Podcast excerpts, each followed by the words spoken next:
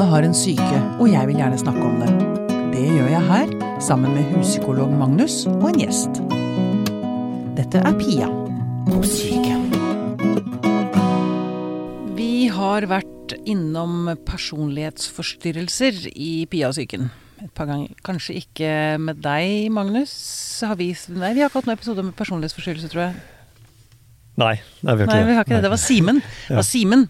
Og jeg som hadde Kristoffer Lygren Walter. Ja. Um, uh, men altså, vi har snakket om personlighetsforstyrrelser. ehm, Og det er jo krevende å slite med en sånn en. Som det er krevende å slite med en bipolar lidelse eller en hvilken som helst psykisk lidelse, egentlig. Men så er det også sånn at det er jo mennesker rundt. Mm. Og de kan også mm, slite med å omgås et menneske med en psykisk lidelse. Ja, det ligger nesten innbakt i lidelsen mange ganger, at de skal slite. Ja, Det er nesten definisjonen på noen av disse lidelsene. På personlighetsforstyrrelse? Ja, det kan være et viktig, viktig trekk, ja. Du Er det det? Kan ja, det det? altså noe- ja. At, at, de, at, man, at, de, at de pårørende skal lide? Eh, nei, altså Kjernekriterier som intense og ustabile relasjoner til andre, hvis det ligger i personen, så Ja. ligger det jo implisitt at eh, noen må jo være i denne ustabile relasjonen. Andre, Og- andre enden av relasjonen, ja. Så Ja. sånn sett så er det jo innbakt og samme. Så Ja. narsissisme også kan det jo også ligge i det at noen andre skal lide Da av dine trekk, da. Ikke sant, ikke sant. I dag eh, skal det først og fremst handle om de pårørende til de som har en personlighetsforstyrrelse. Velkommen Kari Hafstad, Takk. spesialsykepleier og gruppeterapeut, og underviser også for NAP, Nasjonal kompetansetjeneste for personlighetspsykiatri. Ja, altså jeg har gjort det har i en periode. Okay, Ok, ok. I et vikariat. Jeg Ja. gjør ikke så mye av det nå lenger. Nei. Men eh, Nei, men du, du kan mye om dette, det er egentlig dit vi vil. er Du har god erfaring med dette, du har Det har du over 20 års erfaring egentlig. Ja, det er sant. Ja. Mm Em, eh, Unnskyld. Nå fikk jeg plutselig litt sånn vann i branga. Mm. Ja. Før vi begynner å snakke om de pårørende, så må vi bare rekapitulere litt grann rundt dette med personlighetsforstyrrelser. Um, så vidt jeg vet, så er det ti stykker eller noe sånt nå. Mhm. Og så er det selvfølgelig noen av dem Elleve med en, den siste blandede, som du kaller det. Ja, akkurat. Ja. Mm. Um, vi, kan vi bare dra fort gjennom disse? Altså det, det systemet som eksisterer i dag, Mm. som for så vidt er litt under revisjon, det kan jeg jo komme litt tilbake til. Men i det diagnosefeltet som er nå, så er det kategorisert, eh, som du sier, med 10-11 forskjellige personlighetsprofiler. Eh, og hvor du har en schizotyp personlighetsforstyrrelse som eh, ofte er preget av å være veldig sky og mistenksom. Veldig sosialt tilbaketrukket. Og kanskje har en del underlige og magiske oppfatninger om ting. Okay. Eh, og det, den lidelsen er nok nå på en måte på vei mer mot inn i psykoseforståelsen, og kommer mer gruppert inn i den forståelsen. Ja. Så den, ja, så det historisk sett så har det også vært en personlighetsforstyrrelse, da. Mm. Og så har du den schizoide, som preges av å være litt mer følelsesflat. Har veldig lite behov for andre mennesker, er kald, uinteressert, eh, foretrekker sitt eget selskap fremfor andres. Mhm. Og ofte lever kanskje litt sånn som einstøinger. Mm. Og ingen av disse to som jeg har nevnt nå, renner dørene ned i psykisk helsevern. Eh, sånn at eh, det er kanskje eh, personer som vi ikke ser så veldig mye, og heller ikke vet egentlig ordentlig alt om, da. Nei. Nei. I Nei. behandlingssystemet, vel å merke. Ja, ja, for jeg Mm. skulle si det kan vel hende at det er en del som eh, er udiagnostiserte Ja da, med dette. absolutt. Og det samme gjelder kanskje paranoid personlighetsforstyrrelse. Ja, eh, paranoide trekk ser vi ganske ofte. Ja. Eh, og det handler jo mer om at du har personer som har en stor grad av mistenksomhet til omgivelsene. Mm. Eh, som lett tar ting i verste mening, er litt sånn aggressiv og fiendtlig mot omverdenen. Og på en måte eh, ja, eh, ikke stole på andre mennesker før det er er veldig bevisst at det er mulig. Jeg skulle tro at de kanskje heller ikke oppsøkte behandlingsapparatet så veldig ofte. Jo, du kan si altså sånn eh, Kanskje i, i, på en måte der hvor den problematikken er mest uttalt. Men det er ganske mange med andre typer hovedforstyrrelser som har en del paranoide trekk. Mm. Eh, og veldig ofte så er jo det basert på ganske mange vonde erfaringer. Ja. Høy grad av traumebelastning og, og omsorgssvikt i den gruppen. Mm. Sånn at man kan jo tenke seg at for mange så kan de jo ha veldig god grunn for å være litt mistenksom og ikke ha så lett for å stole på andre mennesker. Ja. Men så blir det jo selvfølgelig en forstyrrelse i den grad at ikke du oppnår den kontakten og den nærheten som du ønsker deg, da. Mm. Mm. Mm. Ok, og så har vi um, en stor gruppe er emosjonelt ustabil. Ja. Og det er jo den gruppen jeg jobber mest med. Det er også kjent som borderline. Borderline, ja. Mm. ja.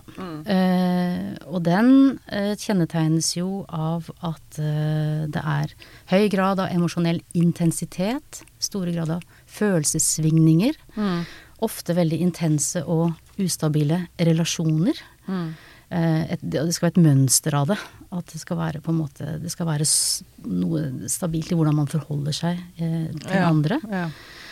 Eh, det er kjennetegnet av identitetsproblemer.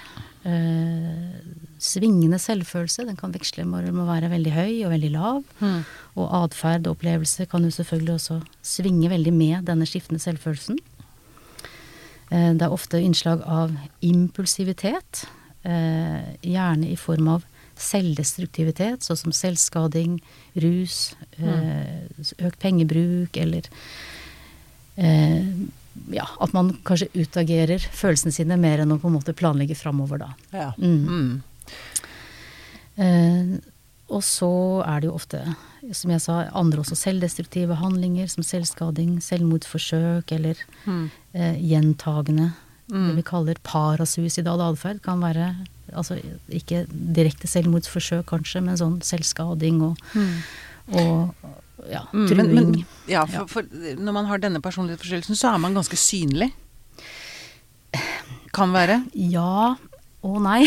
Ok.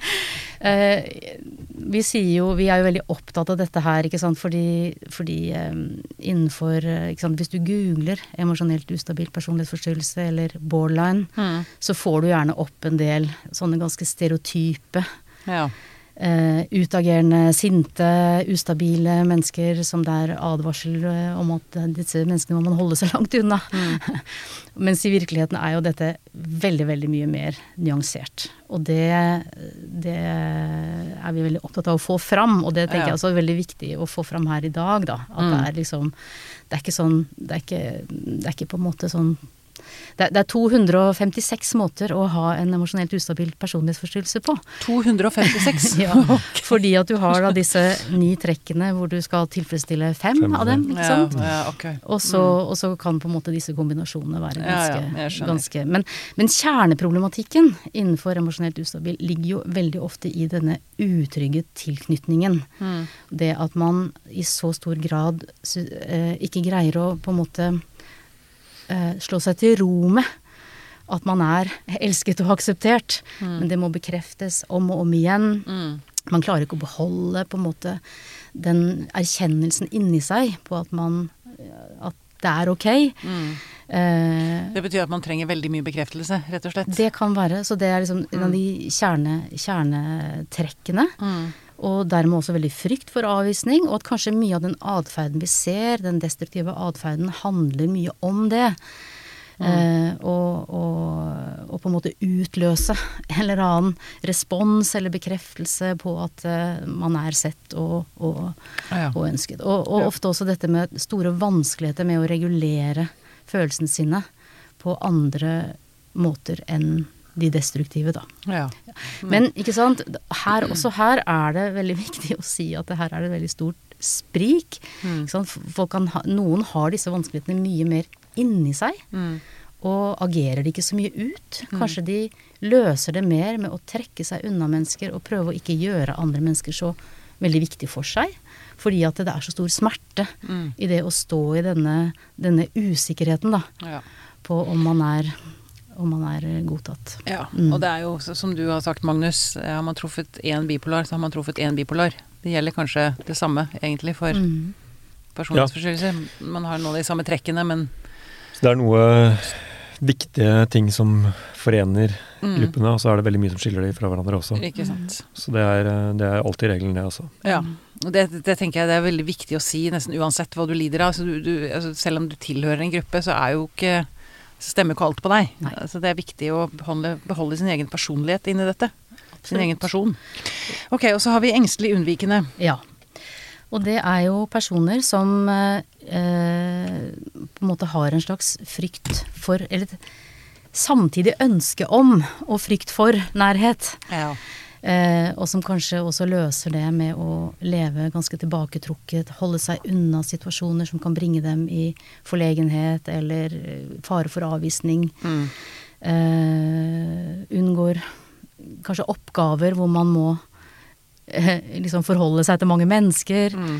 Eh, og dermed kanskje ofte en gruppe som underpresterer en del, da, når det gjelder studier og yrkesliv, og som kanskje kan ha gode evner og, og ha mye å, å møte verden med egentlig, men pga. denne frykten og redselen for, for hvordan det er å spille sammen med andre mennesker, så trekker man seg unna framfor å gå fram Gå frem. Ja. og gjøre, gjøre bruk av sine ressurser. ja. Mm. Og så er det en annen stor gruppe, eh, narsissistisk Ja. personlighetsforstyrrelse. ja.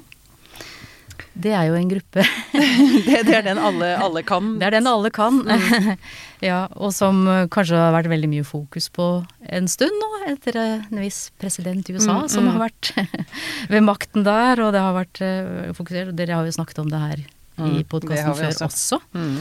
Så det er jo, ikke sant, folk som kanskje i liten grad de sliter litt med å ha empati med andre. Mm.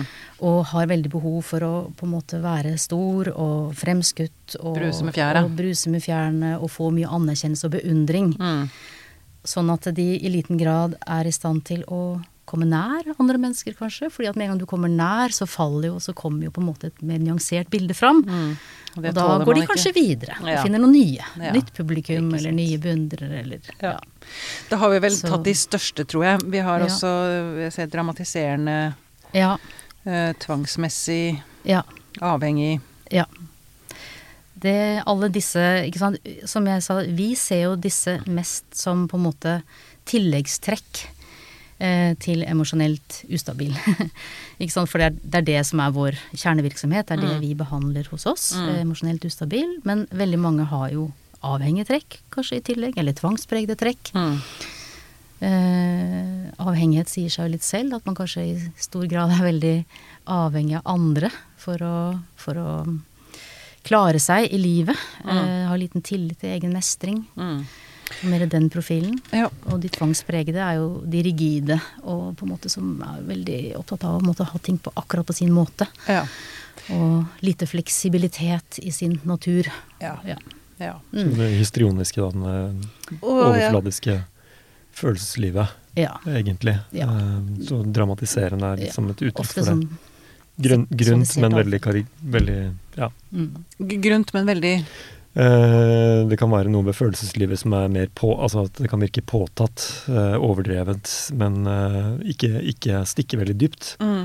Som eh, Hvis du husker eh, Linn Skåbers serie Ja, ja. det var Hjerte, jo, hjerte hjerte. Hjerte hjerte var jo en måte var et forsøk på å eh, portrettere Mm. en eh, histrionisk personlighetsforstyrrelse. Mm.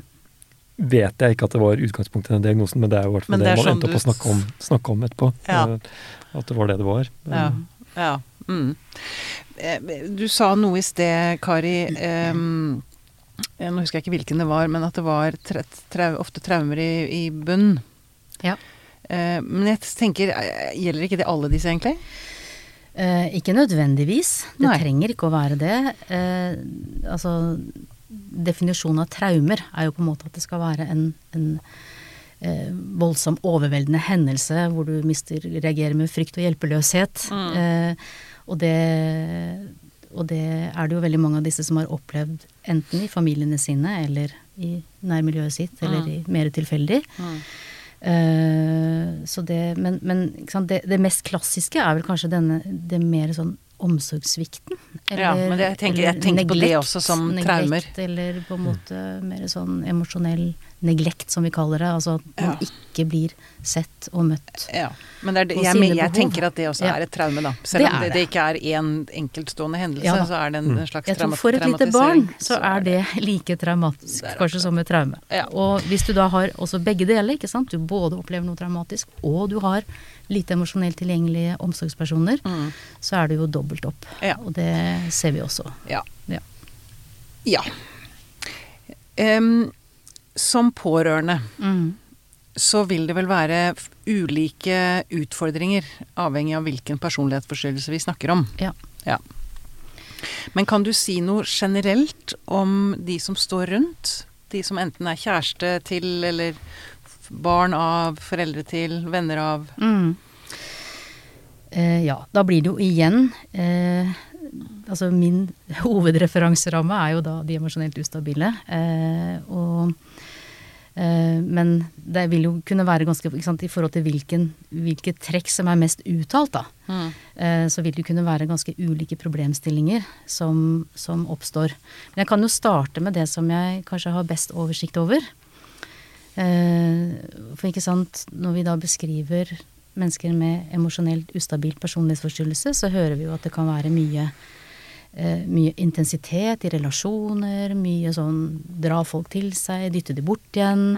Eh, sterk behov for bekreftelse. Eh, og, og kanskje også mennesker som utsetter seg for ganske mye risiko. Eh, og det kan jo vekke veldig mye bekymring. Det kommer selvfølgelig an på også? Det er jo mange typer pårørende, om du er kjæreste eller om du er mor eller Ja, om du er far. ikke sant? At Mm. det kan være ganske ulikt, da. Eh, så, så dette med frykt eh, for hva som på en måte skal skje med personen, om de klarer å ta vare på seg selv, om, de er, om det er trygt, ikke sant? det kan jo være en veldig stor faktor for veldig mange. Særlig hos de som kanskje har mest sånn selvdestruktive og impulsiv atferd, eller rusatferd f.eks. Um, det kan jo også være at man kan jo føle seg ikke sant, Dette med å få dette på deg, at du, at du øh, blir liksom Må bevise hele tiden at du bryr Ja. deg. At du liksom Det er som om det aldri blir helt bevist Mm. at du er der, og at du, ikke sant, at du bryr deg, og at du, at du stiller opp. Mm. Eh, Det må på en måte bevises om og om igjen, og selv om det bevises om og om igjen, så kan det jo kan skje situasjoner hvor det på en måte ikke kommer igjennom i det hele tatt. Mm. Og det kan jo være ganske utmattende Mm. eh, også å stå i det. Mm.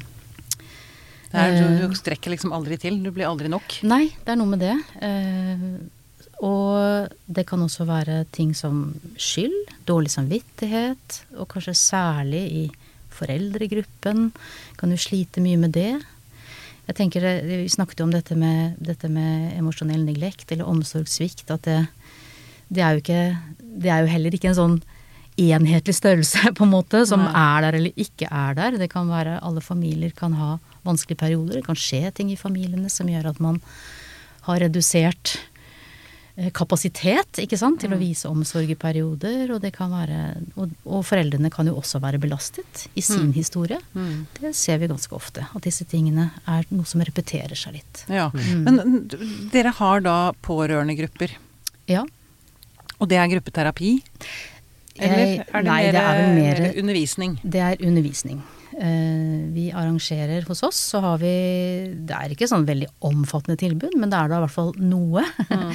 Jeg tror nok kanskje psykiatrien generelt eh, kan ha litt dårlig samvittighet for eh, hvordan de pårørende har blitt inkludert i behandlingen, eller Ja. å, å bli hjulpet til å forstå ting, da. Mm.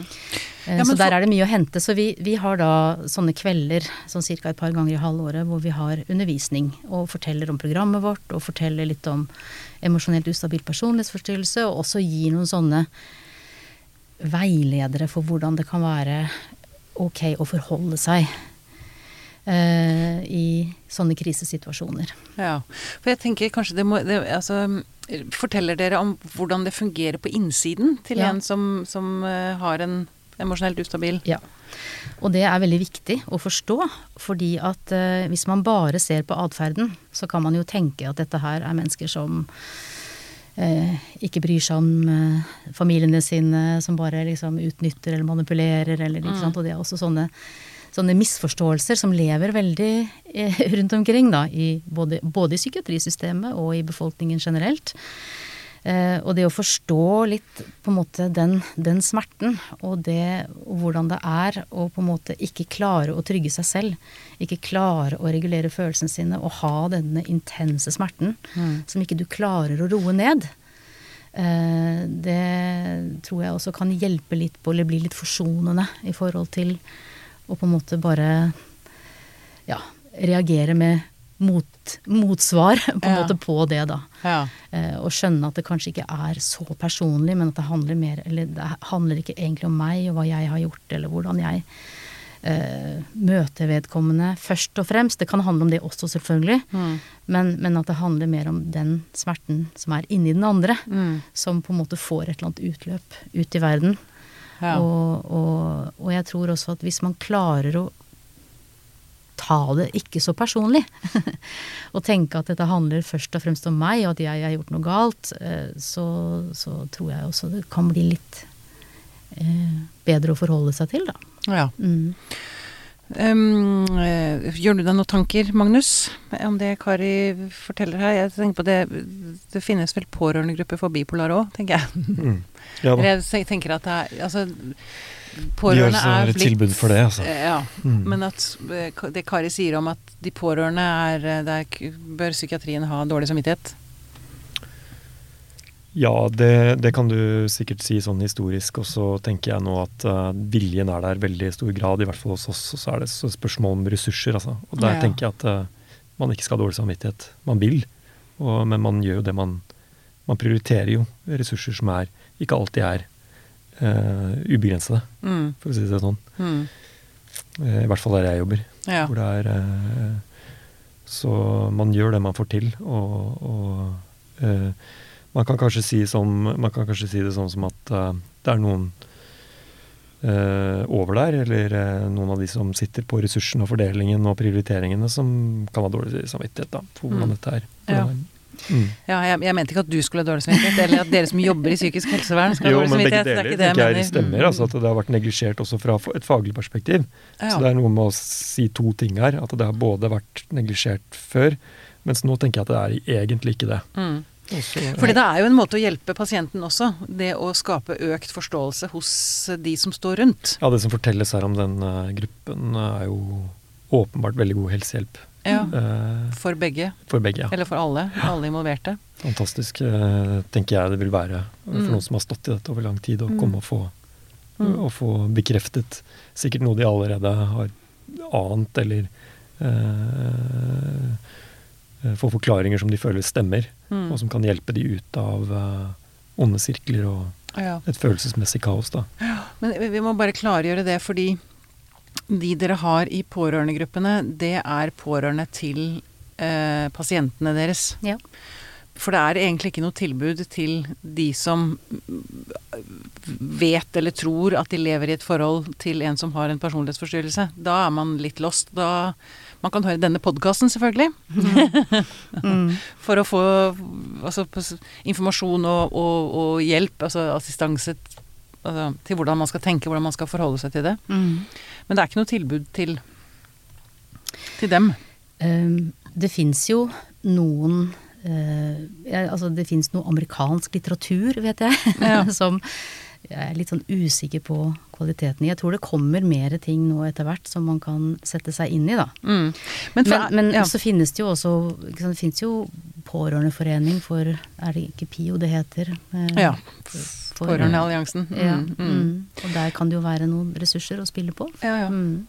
Men også er det å være pårørende da til f.eks. engstelig unnvikende. Ja, Det blir noe litt annet. ikke sant. Mm. Eh, For der er det jo kanskje det litt motsatte, da, som blir eh, det vanskelige. At man blir veldig distansert, eh, får ikke kontakt, når ikke frem. Mm. Liksom mister, mister kontakten med sine. Og kanskje, jeg vet ikke, det er kanskje en litt sånn stereotypi, men ikke sant, det har vært mye fokus også på disse ungdommene, og kanskje særlig unge gutter, som blir sittende litt sånn, trekker seg litt inn på rommene sine med Ja. spill og internett, og på en måte slutter å være i verden. Og kanskje det kan være noe av forklaringen på, på den atferden, da. Mm. Og det kan jo skape ganske mye bekymring hos eh, de som står rundt. Mm. At eh, vedkommende ikke liksom helt kommer seg ut i verden og, Mm. og deltar. Ja, og det må Mm. være vondt kanskje også å se at eh, Altså, man kan jo være veldig begavet og ha en personlighetsforstyrrelse. Det må Mm. være vondt å se at man ikke får brukt Ikke sant? evnene sine, kanskje. Absolutt. Mm. Mm. Mm.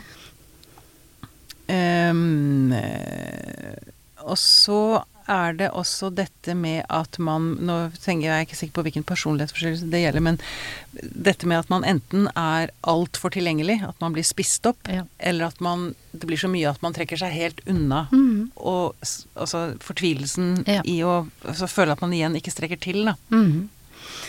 Det tror jeg du har veldig rett i. Eh, nå snakker jeg da igjen mye om den gruppen som jeg har mest erfaring med. Mm.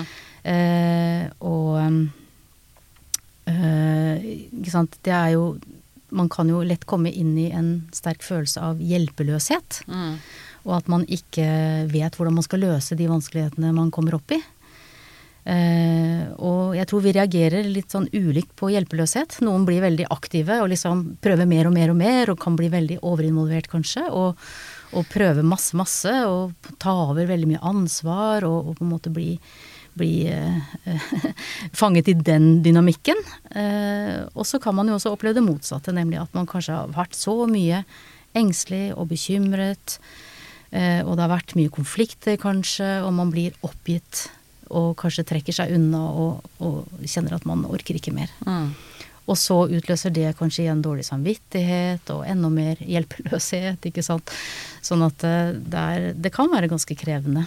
Mm. Mm. Hvis man er pårørende til eh, en med narsissistisk personlighetsforstyrrelse, da, hva, hva, hva, hva bør man være oppmerksom på da? Ja, eh, det er jo Altså, jeg vet ikke om jeg har de siste oppdaterte rådene der. Men i hvert fall sånn det har, ikke sant, Gode råd er dyre. ja, det, det er jo, det er jo en, en eh, personlighetsvariant som kanskje kan fremstå ganske utnyttende, og som på en måte er litt sånn eh, denerende på andre. ikke sant? At de Mm. tømmer ut andres ressurser og Mm. evner og, og ikke sant? sliter ut sine omgivelser. da. Eh, samtidig som de kanskje kan fange vedkommende inn i et sånt spill som gjør at det er vanskelig å komme seg løs. Mm. Eh, Så jeg vet ikke hva du tenker om det, men det siste anbefalingen jeg har hørt, er hold dere unna.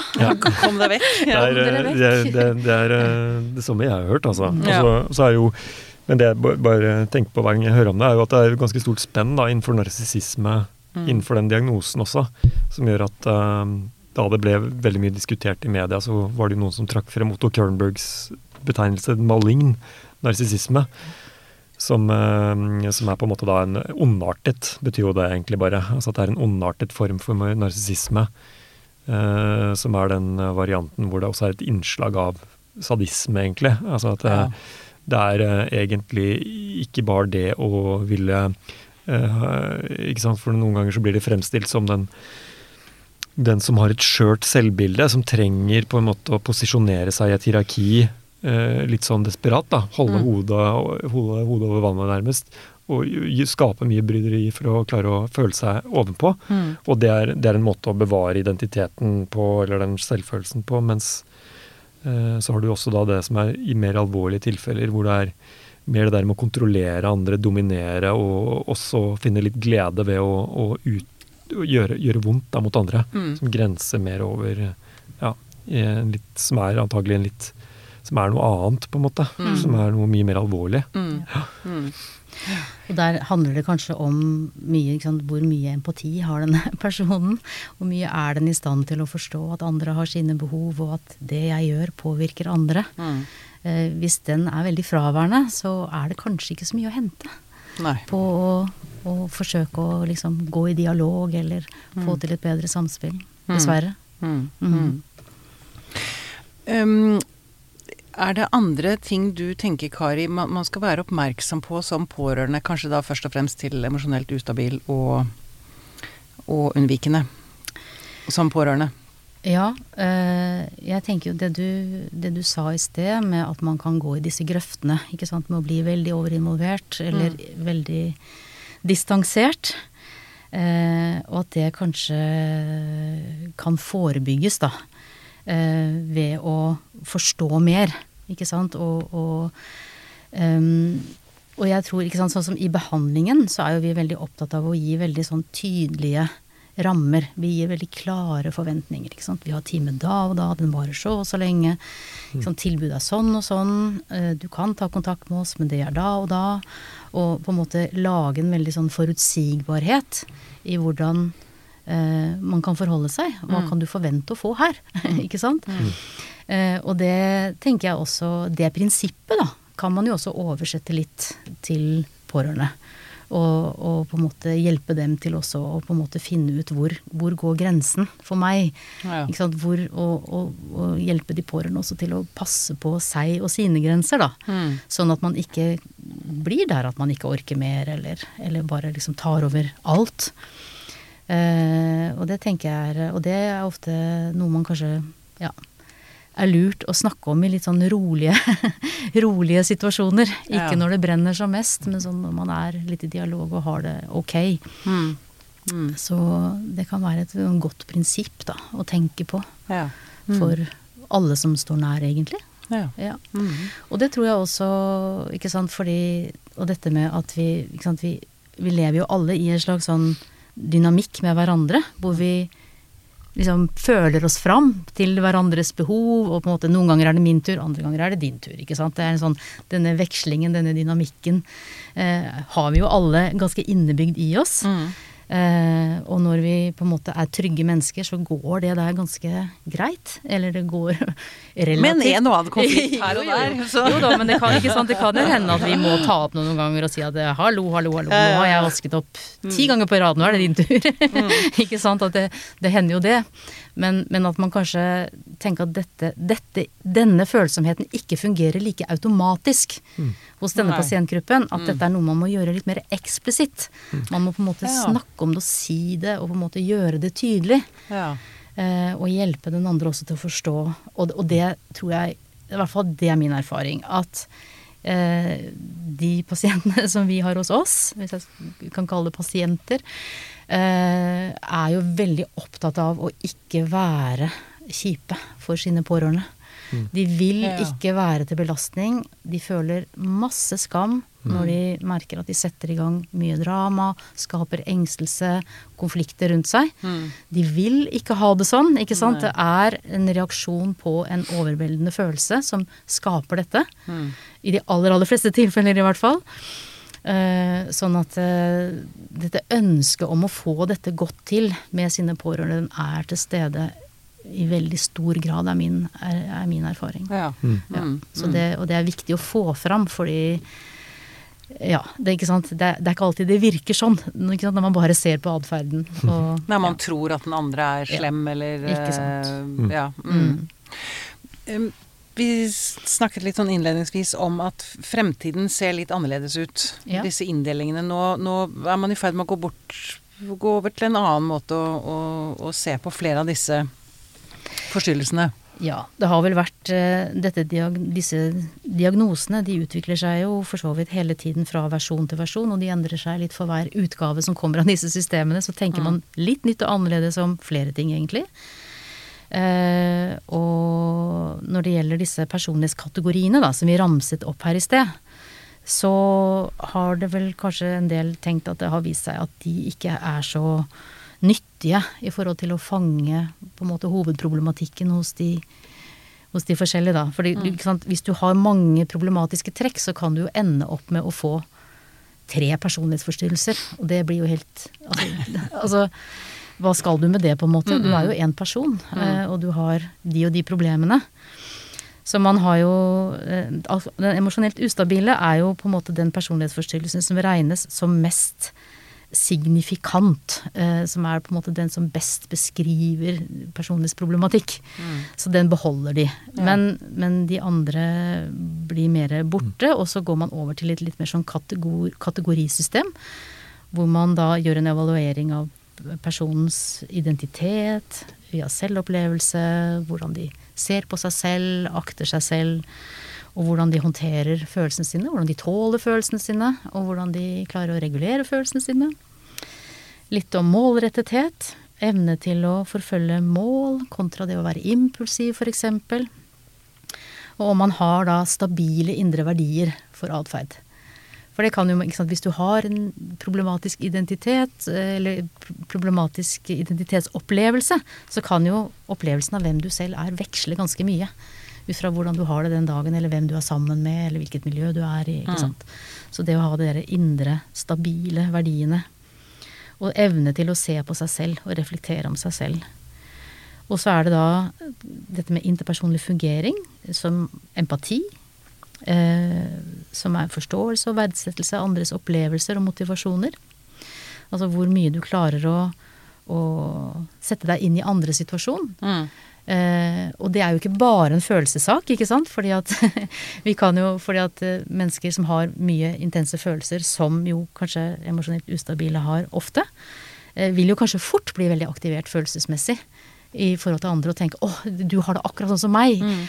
Mens, mens vi må jo på en måte bruke også den kognitive empatien.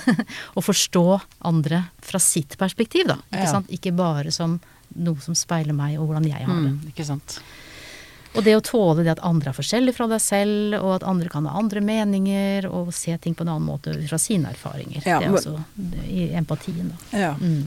Hvordan tenker dere at dette vil endre holdt på å si, livet til mennesker med personlighetsforstyrrelser, eller for psykiatrien? Ja. Mm.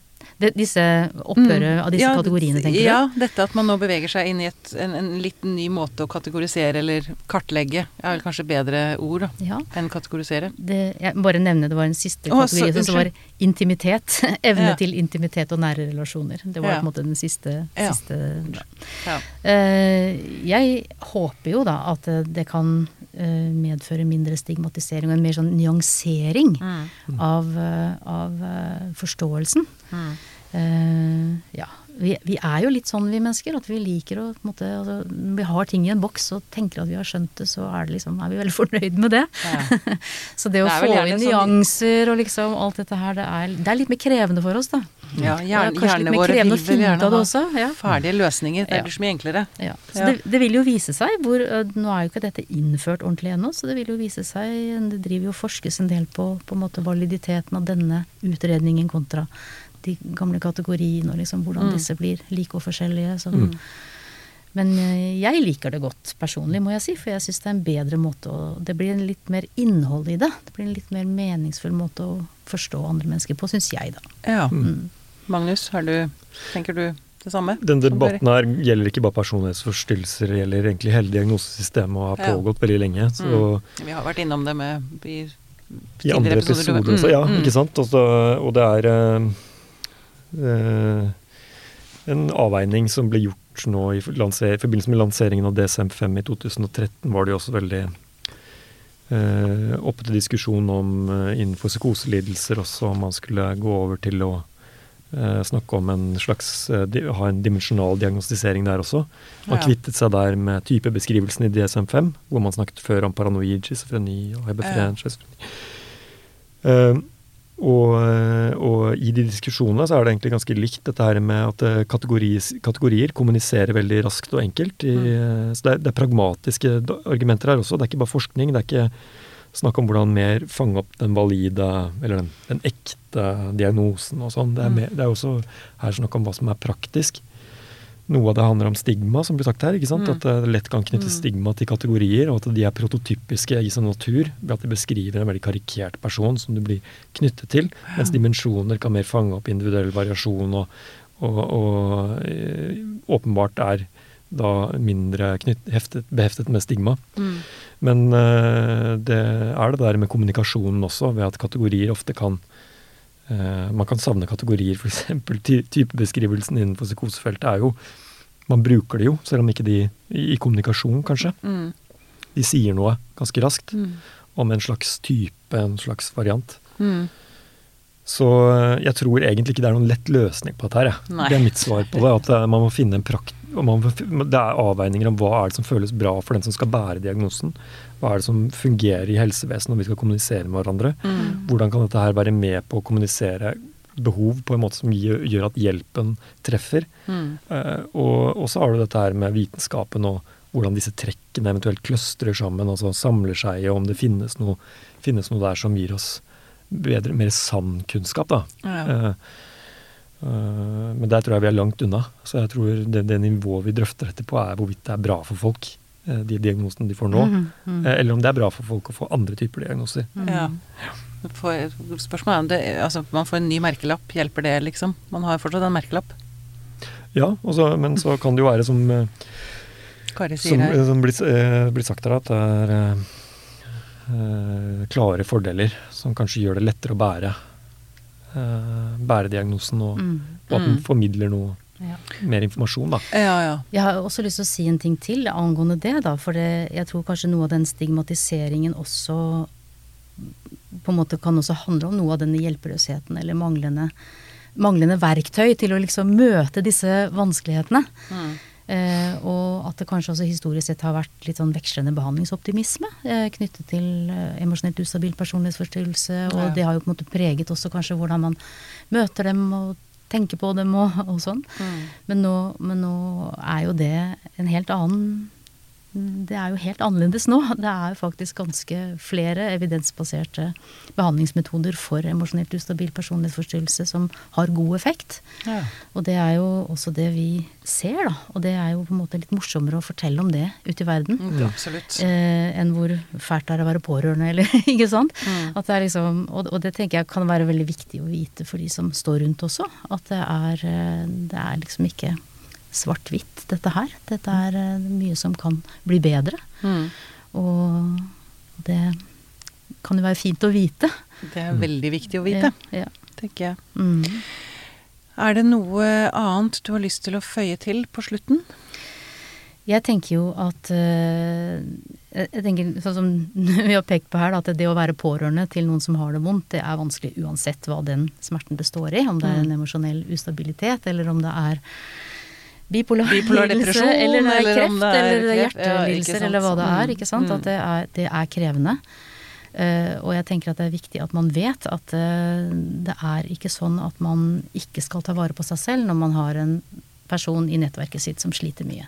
Så man har lov å sette grenser, og man har lov til å uh, si at man eller trenger tid for seg selv. Det er lurt å ta vare på egne behov, dyrke sine interesser, ha sitt fellesskap, oppsøke kunnskap. Mm. Eh, ikke bare google. Kanskje snakke også litt med fagpersoner kan være lurt. Eh, og, og kanskje også, i den grad det er mulig og tilgjengelig, oppsøke en form for fellesskap. Hvor man kan dele sine erfaringer med andre. Og høre at andre har det på samme måte. andre Mm. har det på samme måte. Og ja. Det, det er på en måte sånne selvivaretagelsesstrategier som kan være veldig fine å ha med seg. Mm. Eh, og tenke på at man Og at det er lov. At det er Mm. ikke sånn at man er forpliktet til å være tilgjengelig 24-7. Mm. Men gjerne gjør det veldig tydelig når du kan være tilgjengelig, og når du ikke kan være det. Ja. ja. ja. Mm. Bra, bra råd der, Mm. vil jeg si. Veldig bra. Kari Hafstad, tusen takk for at du kom til oss. Bare hyggelig. Takk for at jeg fikk komme.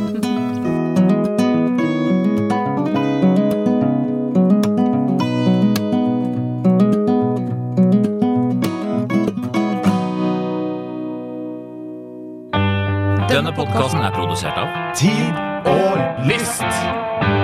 Med støtte fra stiftelsen Kåre Berg.